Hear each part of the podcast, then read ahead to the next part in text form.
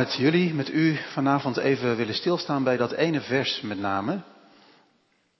Twee versen. Mijn plannen zijn niet jullie plannen en jullie wegen zijn niet mijn wegen, spreekt de Heer.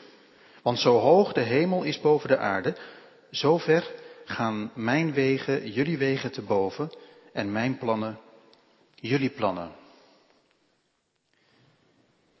Ja, gemeente, ik ken eigenlijk geen Bijbelvers wat zo vaak wordt misbruikt als dit, deze verse. Als de dingen in je leven anders lopen dan je had gehoopt, als je worstelt met levensvragen en je vindt er geen antwoord op, dan worden deze woorden nog wel eens van stal gehaald. Ach ja, Gods wegen zijn hoger dan onze wegen. Tja, God moves in mysterious ways. Dus leg je er maar neer. Leer erin berusten. Soms staan ze ook boven rouwkaarten of rouwadvertenties. Vooral als het een dramatisch en onbegrijpelijk onverwachts levenseinde is. Zo hoog als de hemel is boven de aarde, zo ver gaan mijn wegen jullie wegen te boven en mijn plannen jullie plannen. En dan klinkt er iets sombers in door, iets neerslachtigs. Je kunt je schouders erbij ophalen en je er maar beter bij neerleggen, want van God krijg je eigenlijk nooit hoogte. Hij is onbegrijpelijk. En daarmee hebben we vakkundig deze woorden uit Jesaja 55 van hun enorme bemoedigende kracht beroofd. Want ze zijn zeker niet bedoeld als dooddoeners. Als woorden die je bij de pakken van je leven laten neerzitten. Integendeel, Jesaja spreekt deze woorden van God als een hartsversterking. Hij richt zich tot mensen die van alles zijn kwijtgeraakt. Ze zijn van de generaties na de verwoesting van de tempel. En ze zijn in Babel terechtgekomen. En de zuilen en de zekerheden van vroeger zijn afgebrokkeld. Er is veel vervlakking. Niks nieuws onder de zon. Er is veel oppervlakkigheid. Er is veel gelijkvormigheid met de wereld. Ieder pikt zo zijn graantje mee en doet zijn dingetje, zolang het leuk en gezellig is. En de Joodse gelovigen daar in Babel, die raken hun eigenheid, hun, hun ziel kwijt, als ze niet oppassen. Terwijl ze notabene bedoeld zijn als een licht voor de volken. En dan krijgt Jezaja de opdracht om een woord te spreken. Een woord van troost. Troost, troost mijn volk, spreek Jeruzalem moed in. En zoals we vanmorgen hebben gezien, is troost dan vooral een bemoediging, een verzachting in je lijden, in wat je verloren bent. De ervaring dat je niet verlaten bent, niet alleen. En de troost die Jesaja brengen mag is vooral dit, dat wat we ook kwijt zijn geraakt en hoe ver we ook van huis zijn geraakt, dat de dingen God niet uit de hand lopen. En dat Hij die onbereikbaar ver weg is, op een verborgen manier zeer nabij is. Aanwezig is en werkzaam. Jullie, zegt God, jullie mogen je plannetjes wel hebben bijgesteld naar beneden toe, maar ik niet. Jullie wegen zijn dan wel verzand en doodgelopen in Babel, maar mijn wegen zijn niet verzand en zullen je thuis brengen. Jullie wegen zijn niet mijn wegen. Jullie plannen niet de mijne. En dan legt Jezaja uit op welke manier God dan aanwezig is. Toen, maar ook nu. Door zijn woorden. Die een eigen wonderlijke zeggingskracht hebben. Zo was Jezaja ooit begonnen aan zijn troostboek in hoofdstuk 40, in dat middengedeelte van 40 tot 55, dat troostboek. Daarin schrijft hij in hoofdstuk 40, de mens is als gras, het gras verdort, de bloem verwelkt, maar het woord van onze God houdt stand tot in eeuwigheid. En zo sluit Jezaja nu in hoofdstuk 55 zijn troostboek ook af. Het woord wat voortkomt uit de mond van God keert niet vruchteloos terug, zonder eerst te doen wat ik wil en te volbrengen wat ik gebied. Nu klinkt dat misschien nog een beetje afstandelijk voor jou, voor u. Maar als je heel Jesaja 55 leest, en vanmorgen hebben we het eerste gedeelte bekeken, dan, dan is dat woord van God, wat uit zijn mond gaat en niet zomaar terugkeert, zonder eerst te doen wat hij wil, een woord van uitnodiging. Kom hierheen, kom bij mij. Eet en drink om niet. Je zou kunnen zeggen, Gods woord is vooral een zeer krachtig ja. Een ja tegen jou, tegen u. Ja, ik zie wie u bent.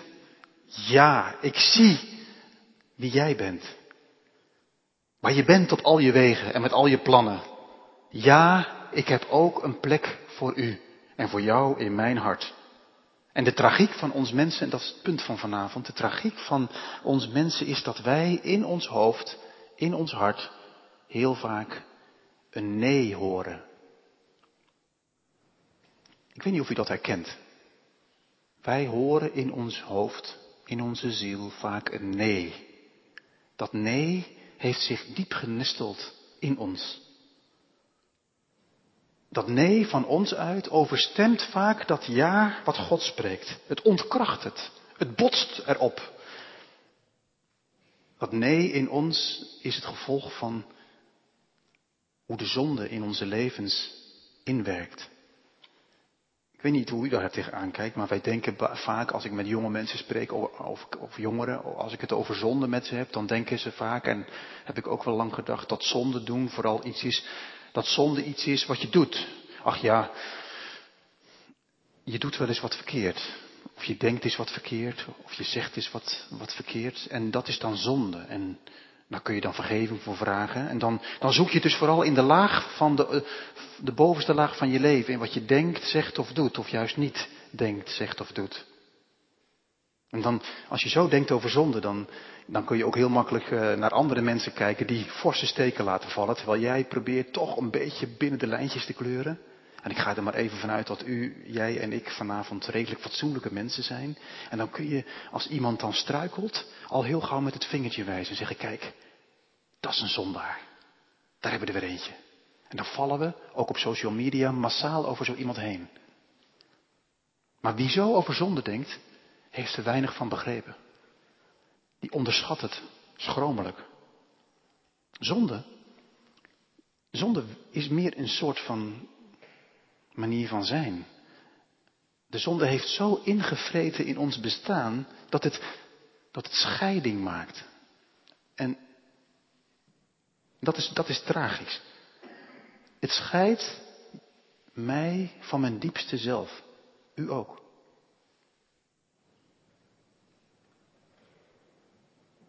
Ik denk dat er maar heel weinig mensen vanavond in de kerk zijn die op de vraag, houdt u van uzelf, volmondig ja zeggen.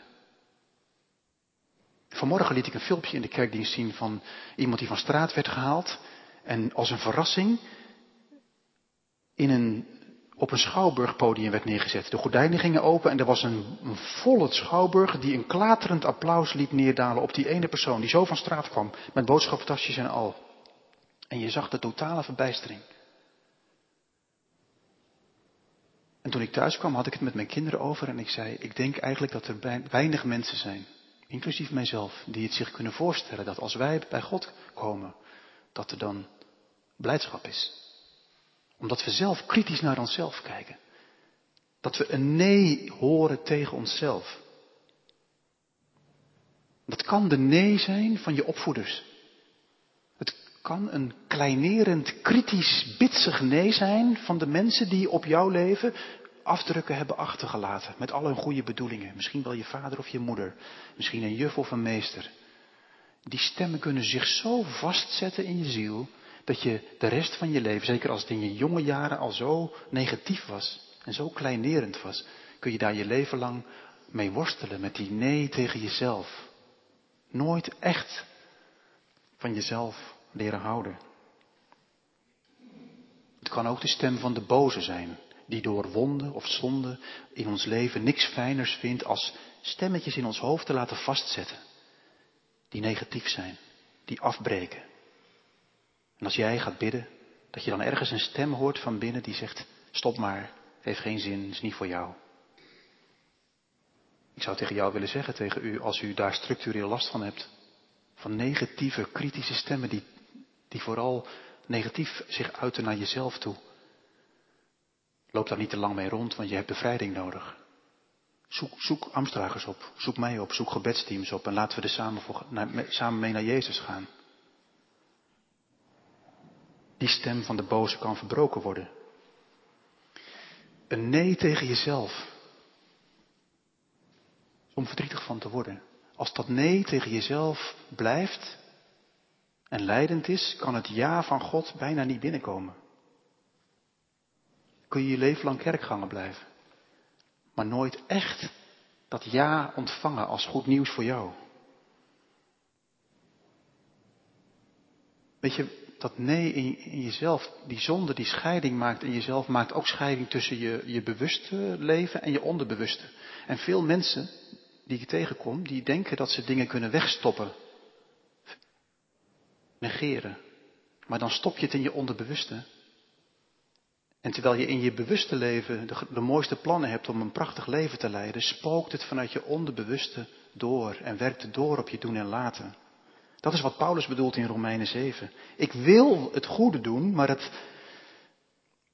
Ik wil het goede wel, maar het goede doen kan ik niet. Wat ik verlang te doen, het goede laat ik na. Wat ik wil vermijden, het kwade, dat doe ik.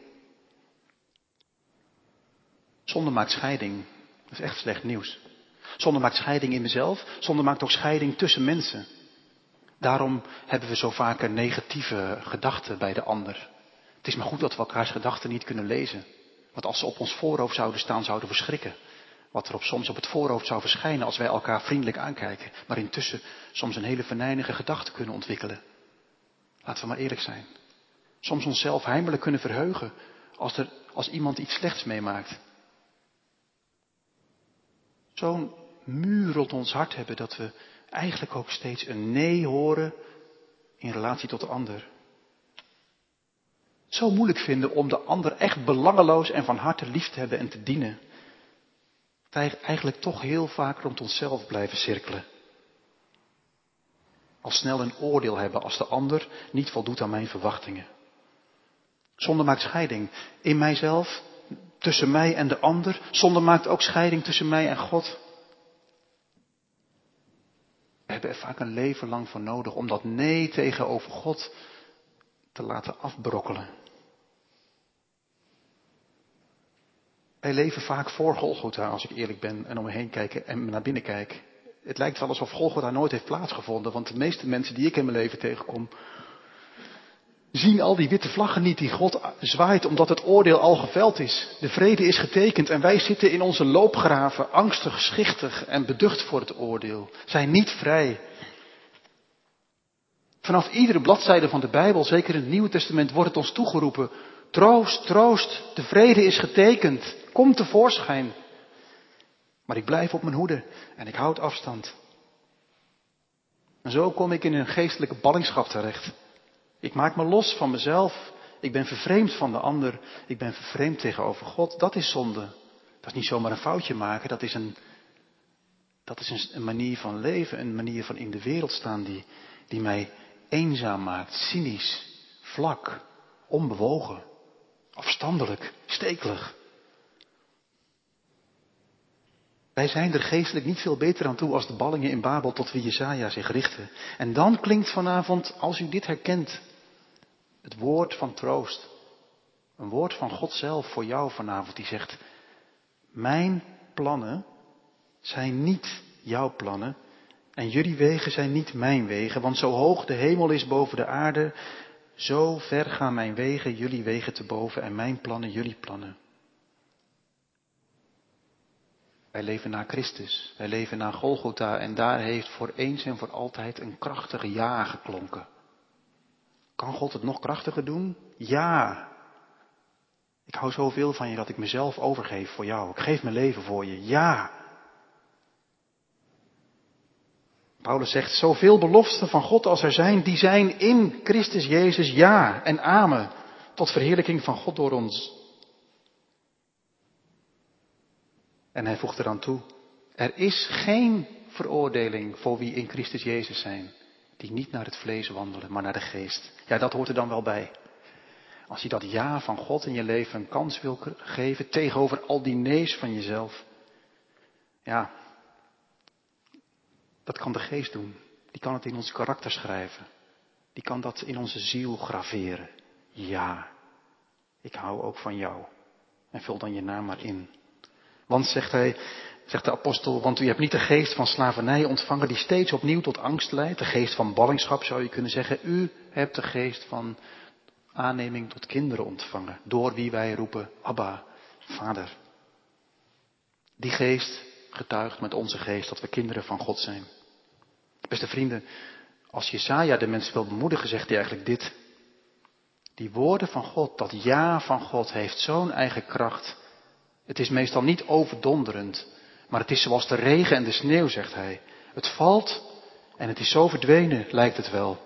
Maar het doet ondergrond zijn, zijn, zijn voedend werk en het leidt tot wortels, groei en vrucht. Zo, zegt Jezaja, zijn de woorden van de Heer als je ze in je leven laat neervallen als sneeuw en regen. Nou ja, dan hangt het er nog even van af hoeveel aandacht je ervoor hebt. Daarom staat er in Jesaja 55 bijna zin naar zin. Luister. Zet je oren open. Neig je oor. Concentreer je op die ene stem tussen alle stemmen. Als u morgen wakker wordt en je hebt op je telefoon dat appje met dat ene vers uit de Bijbel. Ga er eens even voor zitten. Werp er niet een vluchteloze blik op en, ga dan, en zet dan de radio niet aan, maar ga er even voor zitten en laat de woorden als sneeuw en regen vallen. Inwerken. Laat dat ja van God dag na dag tot je doordringen, want het nee in je is al te taai, al te hardnekkig. Dat wens ik jullie echt toe en mezelf. Dat de genade van God zo in ons leven zichtbaar gaat worden. Dat zijn ja echt de boventoon gaat voeren. Want als dat gebeurt, dan kan ik stapje voor stapje een positiever zelfbeeld ontwikkelen. En van daaruit kan ik me ook meer ontspannen geven aan de ander. Niet zo snel een oordeel hebben. De ander oprecht, belangeloos leren liefhebben en dienen. En ook me aan God geven, zonder voorbehoud. En word ik steeds meer een ja-mens. Bij ons thuis in ons gezin maken mijn kinderen wel eens een grap. Ze zeggen, als je, als je iets eh, aan papa wil vragen, zegt hij meestal eerst nee. Maar niet erg, wacht even vijf minuten, dan komt het ja. En dat zegt zo vaak, dan uh, wil je me even daar naartoe brengen. Dan zit ik in mijn werk en dan, dan is mijn eerste reactie nee. En dan denk ik na vijf minuten, hmm, het is inderdaad slecht weer en ik kan best even eruit. En dan loop ik naar boven en dan zeg ik, joh, het kan eigenlijk wel. Nou, mijn, mijn, mijn, eh, mijn ambitie is dat, dat ik, zeg maar, steeds, dat, ik, dat er een fase in mijn leven komt waarin ik gewoon ja zeg. Gelijk. Soms gebeurt dat op mijn beste momenten. Misschien herkent u het wel, dat, dat, dat je een ja-mens kan worden. Niet altijd ja, dus soms is nee ook goed. Maar dat ik wel een grondhouding heb in het leven naar mensen die ik tegenkom en naar God, naar mezelf, van uitnodiging, van bevestiging, van zegen, van complimenten. Kijk, dat, dat, dat, proces van verandering, dat beschrijft Jezaja met een plaatje. Hij zegt, als je een nee-mens bent, die te veel nee heeft gehoord in zichzelf en om zich heen, dan ben je net een doornstruik. Dan ben je net een distel, stekelig, onvruchtbaar. Je bezeert je eraan. Het zijn geen fijne mensen, eerlijk gezegd. Dat is geen fijn deel van mij, wat ik dan weer in de spiegel zie. Een nee-mens. Maar Jezaja zegt, als mijn woorden de kans krijgen in je leven en als je je oren openzet en als je je knieën buigt,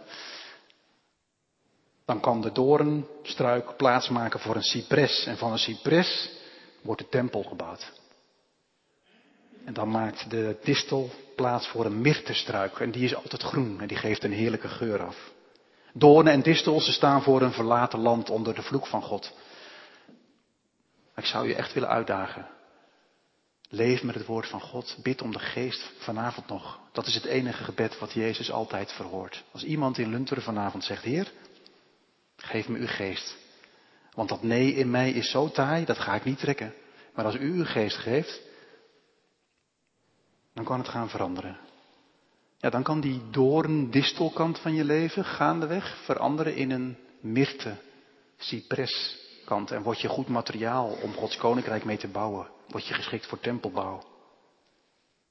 Bomen waar anderen zich in kunnen nestelen. Word je een prachtige vrouw. Mooie vent waar anderen echt ook zich kunnen optrekken. Van kunnen leven. Proeven mensen het ja in jou. Dat het wint van de vele nee's in ons leven.